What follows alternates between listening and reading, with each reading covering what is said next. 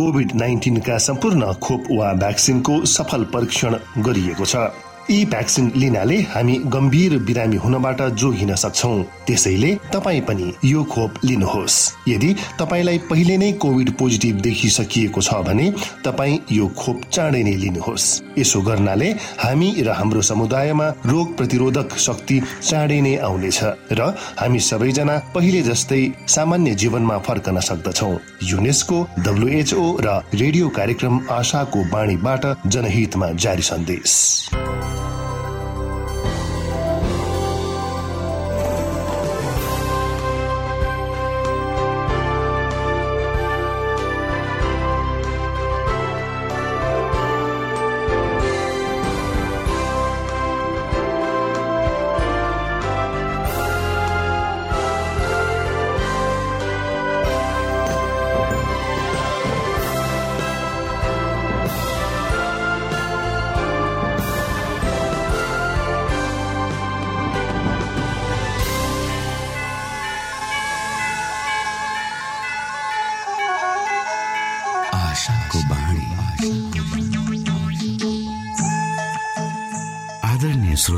नमस्कार। यो समय तपाईँ एडभेन्टिस्ट ओल्ड रेडियोको प्रस्तुति भोइस अफ होप आशाको बाणी कार्यक्रम सुन्दै हुनुहुन्छ। कार्यक्रम प्रस्तुता म रवि यो समय तपाईँको साथमा छु। आशाको बाणी कार्यक्रम सुन्नको निमित्त पर्खेर बस्नुहुने समस्त प्यारा श्रोता वर्गमा हामी न्यानो अभिवादन व्यक्त गर्दछौँ। हाम्रा महान परमेश्वरको प्रेम यसु ख्रिस्टको अनुग्रह र पवित्र आत्माको अगुवाईका विषयमा साँचो र सही सन्देश प्रस्तुत गर्ने क्रममा हामी छौँ। र श्रोता दैनिक तपाईँले यी अध्ययनहरूका विषयमा सुन्दै जाँदा मनन गर्दै जाँदा तपाईँको जीवनबाट पनि ख्रिस्टको उपस्थिति झल्किन सकेको होस्। क्रिससँगको संगतिमा तपाईँले आदित्य आशिषको अनुभूति गर्न सक्नु भएको होस् भन्ने शुभेच्छा सहित हामी हाम्रो कार्यक्रमलाई अगाडि बढाउने अनुमति चाहन्छौ। सधैँ सुरुमा हामी यो मधुर क्रिस्टीय भजन सुन्नेछौँ।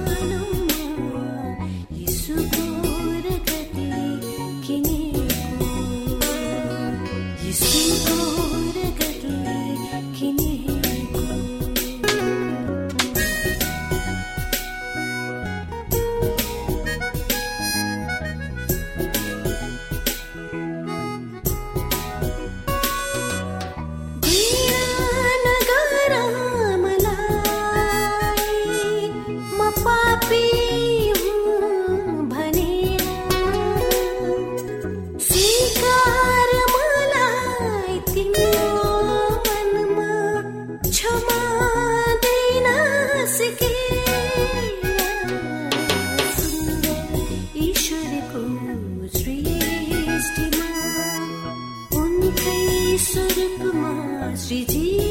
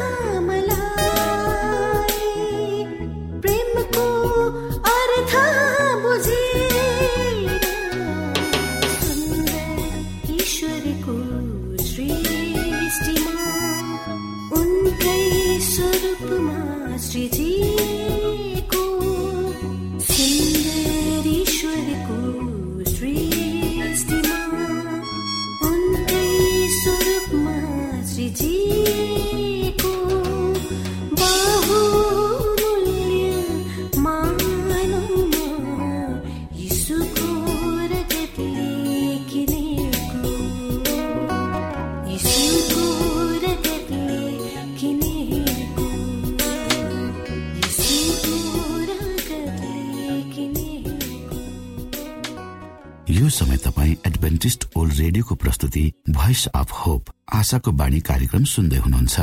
श्रोता मित्र यो समय हामी पास्टर उमेश पोखरेलबाट आजको बाइबल सन्देश सुन्नेछौ। श्रोता साथी न्यानो अभिवादन साथ म तपाईँको आफ्नै आफन्त अर्थात् पास्टर उमेश पोखरेल परमेश्वरको वचन लिएर यो रेडियो कार्यक्रम मार्फत तपाईँहरूको बीचमा पुनः उपस्थित भएको छु। श्रोता मलाई आशा छ तपाईँले हाम्रो कार्यक्रमहरूलाई नियमित रूपमा सुन्दै हुनुहुन्छ र परमेश्वरका प्रशस्त आशिषहरू प्राप्त गर्दै हुनुहुन्छ। आउनुहोस् तपाईँ हामी केही समय परमेश्वर सँगसँगै समय बिताउँ। श्रोता मलाई धेरै खुसी लाग्छ जब मैले तपाईँहरूका फोन कलहरू प्राप्त गर्दछु। जब तपाईँले प्रार्थना गरिदिनुहोस् भनेर मलाई अनुरोध गर्नुहुन्छ। जब तपाईँहरूको निम्ति मैले फोनबाटै भए पनि प्रार्थना गर्ने मौका पाउँछु। मलाई खुसी लाग्छ श्रोता जब मैले तपाईँहरूबाट राम्रो कुराहरू सुन्न पाउँछु हाम्रो कार्यक्रमको विषयमा पत्रद्वारा फोनद्वारा। कृपया तपाईँका जिज्ञासाहरू सरसल्लाहहरू सुझावहरू हामीलाई हाम्रो पत्र व्यवहारको ठेगानामा पठाइदिनु भयो हामी तपाईँप्रति आभारी हुने थियौँ र तपाईँको पत्रलाई हामी हाम्रो कार्यक्रममा पढेर यदि सुनाऊ भनेर तपाईँ हामीलाई अनुमति दिनुहुन्छ भने हामी सुनाउन पनि चाहन्छौँ। आजको प्रस्तुतिलाई पस्कनुभन्दा पहिले आउनु श्रोता हामी परमेश्वरमा बिन्ती राखौँ। जीवी जिउँदो महान दयालु परमेश्वर प्रभु हामी धन्यवादी छौँ। यो जीवन र यो जीवनमा दिनुभएका प्रशस्त आशिषहरूको लागि। प्रभु यो रेडियो कार्यक्रमलाई म तपाईँको हातमा राख्दछु। यसलाई तपाईँको राज्य र महिमाको प्रचारको खातिर यो देश र सहारा संसारमा पुर्याउनुहोस् ताकि धेरै मानिसहरू जो अन्धकारमा हुनुहुन्छ उहाँहरूले तपाईँको ज्योति देख्न सक्नुहोस्। सबै बिन्ती प्रभु येसुको नाम।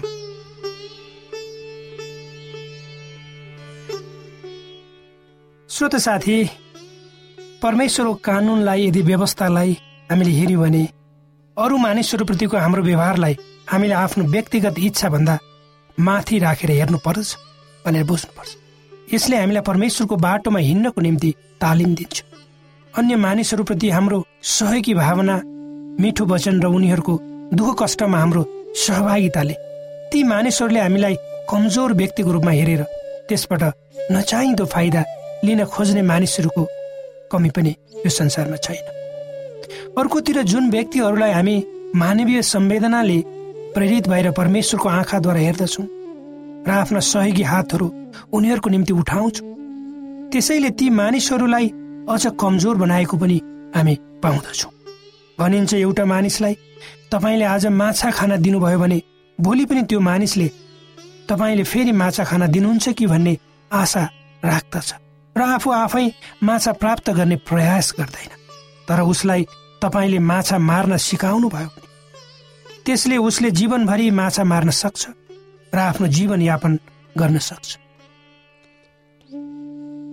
श्रोता साथी आत्मसंयमको कारणले अरू मानिसहरूमा भएको पीडामा तपाईँ हामी सहभागी हुने हुन सक्दछौँ। त्यसकारण हामी आफ्नो र अरूहरू दुवैको निम्ति आत्मसंयमतालाई आफ्नो जीवनमा लागू गर्ने प्रयत्न गर्दछौँ वा गर्नुपर्छ।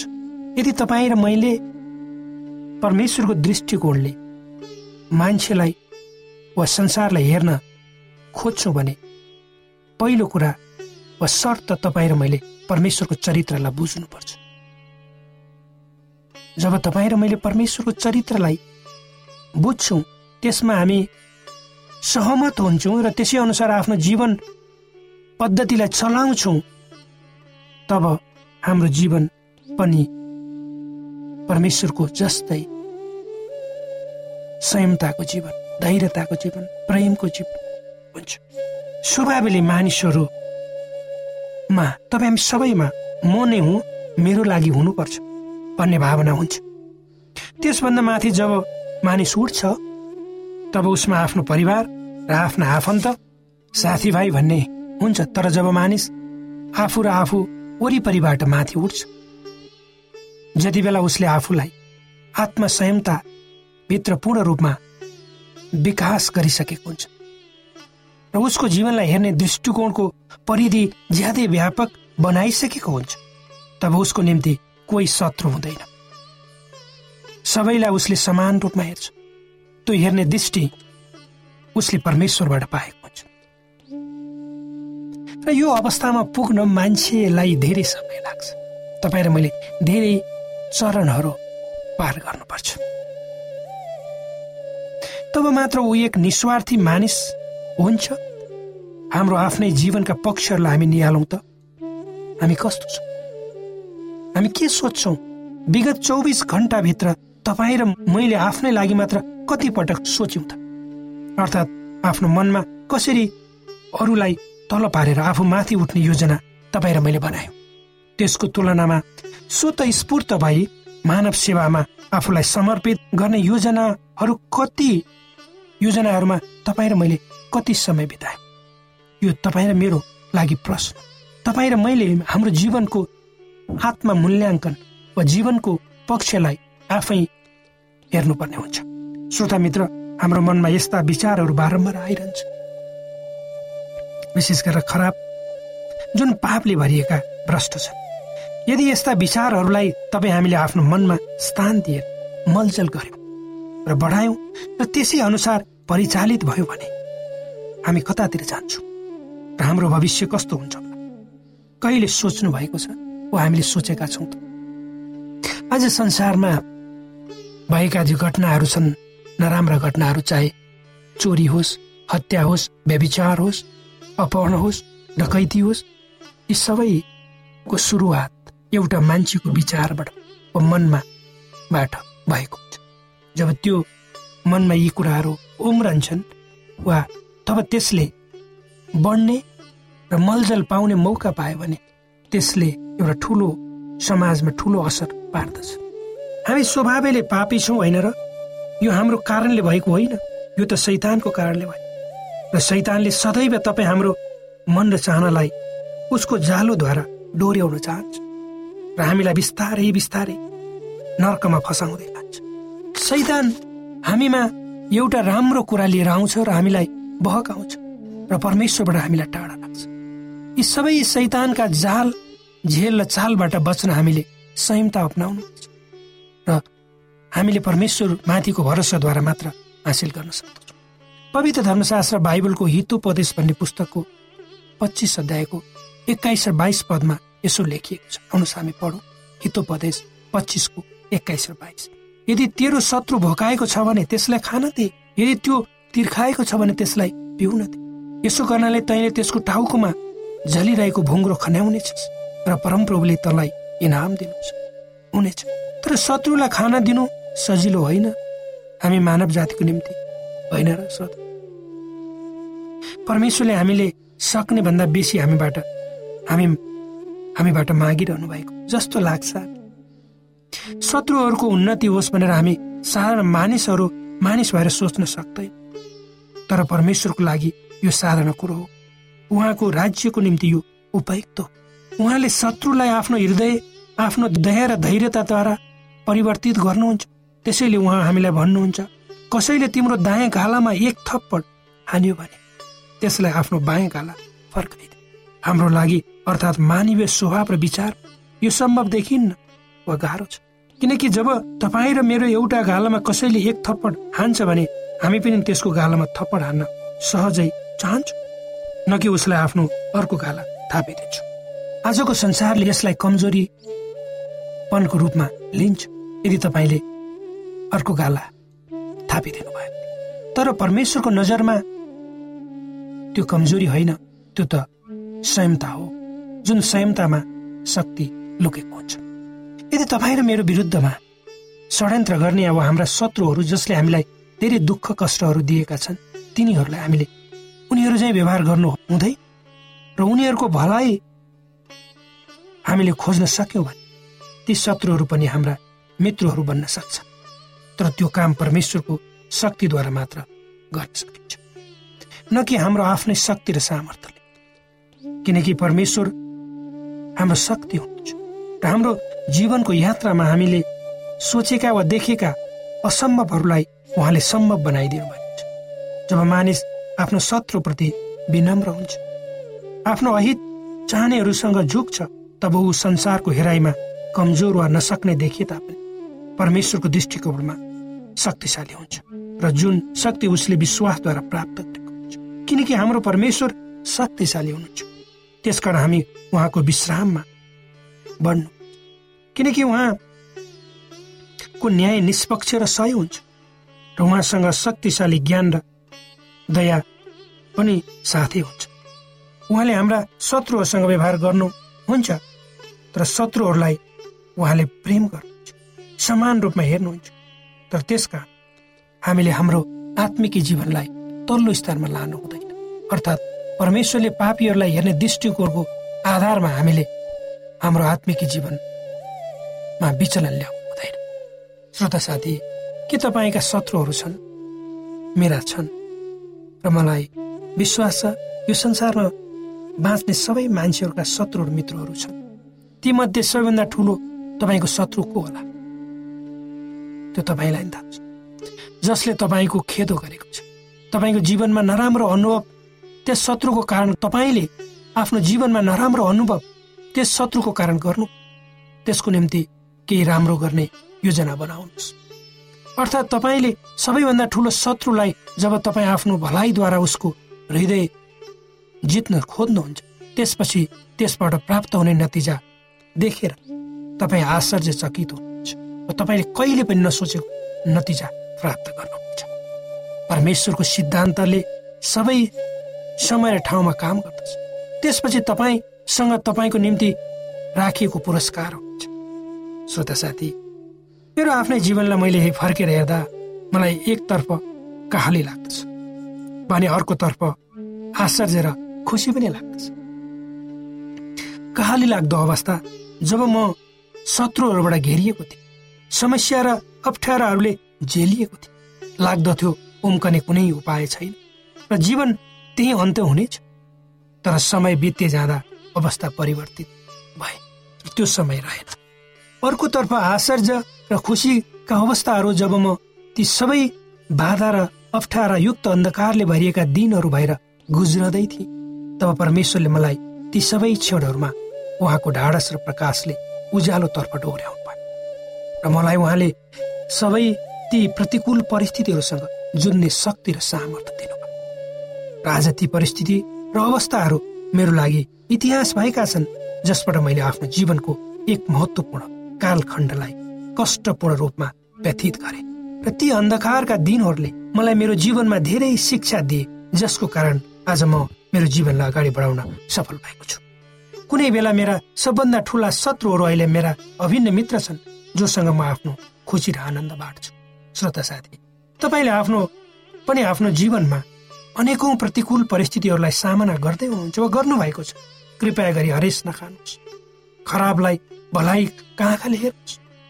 भलाइद्वारा जित्ने प्रयास गर्नुहोस्। एक दिन तपाईँ अवश्य विजय हुनुहुन्छ। हाम्रो जीवन क्षणिक छ। कोही मानिस पनि कसैको निम्ति सधैँ शत्रु हुँदै तपाईँ जहाँ हुनुहुन्छ जस्तो अवस्था आफ्नो जीवनलाई अरूको निम्ति पनि जिउने प्रयास गर्नुहोस्। अरूको निम्ति समर्पित जीवनले जीवनको पुरस्कार स्वर्गमा ठुलो छ यी वचनहरूले तपाईँलाई आशिष दिउन्। आमेन।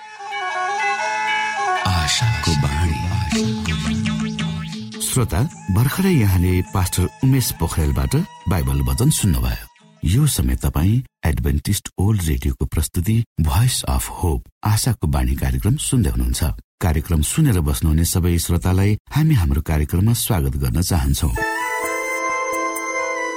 श्रोता मित्र यदि तपाईँ जीवनदेखि हरेस खानु भएको छ तपाईँका जीवनमा धेरै अनुत्तरित प्रश्नहरू छन् भने आउनुहोस् हामी तपाईँलाई परमेश्वरको ज्योतिमा डोहोऱ्याउन चाहन्छौ। र तपाईँ आफ्नो जीवनका चिन्ता फिक्रीबाट निश्चिन्त हुनुहोस् र बाँच्नुको आनन्द परमेश्वरको सामिप्यमा कति मिठो हुन्छ त्यो चाख्नुहोस् भनी हामी चाहन्छौँ। श्रोता यदि तपाईँ आशाको बाणी कार्यक्रमलाई अनलाइन सुन्न चाहनुहुन्छ वा डाउनलोड गर्न चाहनुहुन्छ भने ओआरजीमा जानुहोस्। त्यहाँ तपाईँले प्रत्येक दिनको कार्यक्रम सुन्न र डाउनलोड गर्न सक्नुहुनेछ। हाम्रो वेब पेज यस प्रकार छ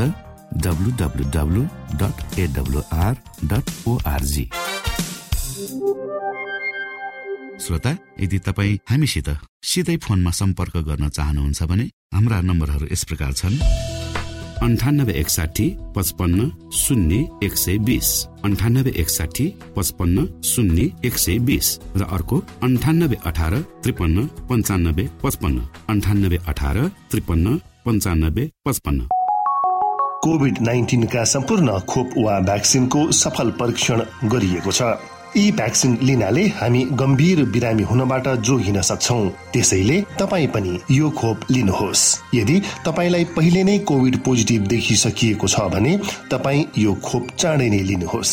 यसो गर्नाले हामी र हाम्रो समुदायमा रोग प्रतिरोधक शक्ति चाँडै नै आउनेछ र हामी सबैजना पहिले जस्तै सामान्य जीवनमा फर्कन सक्दछौ। युनेस्को डब्लुएचओ र रेडियो कार्यक्रम आशाको बाणीबाट जनहितमा जारी सन्देश।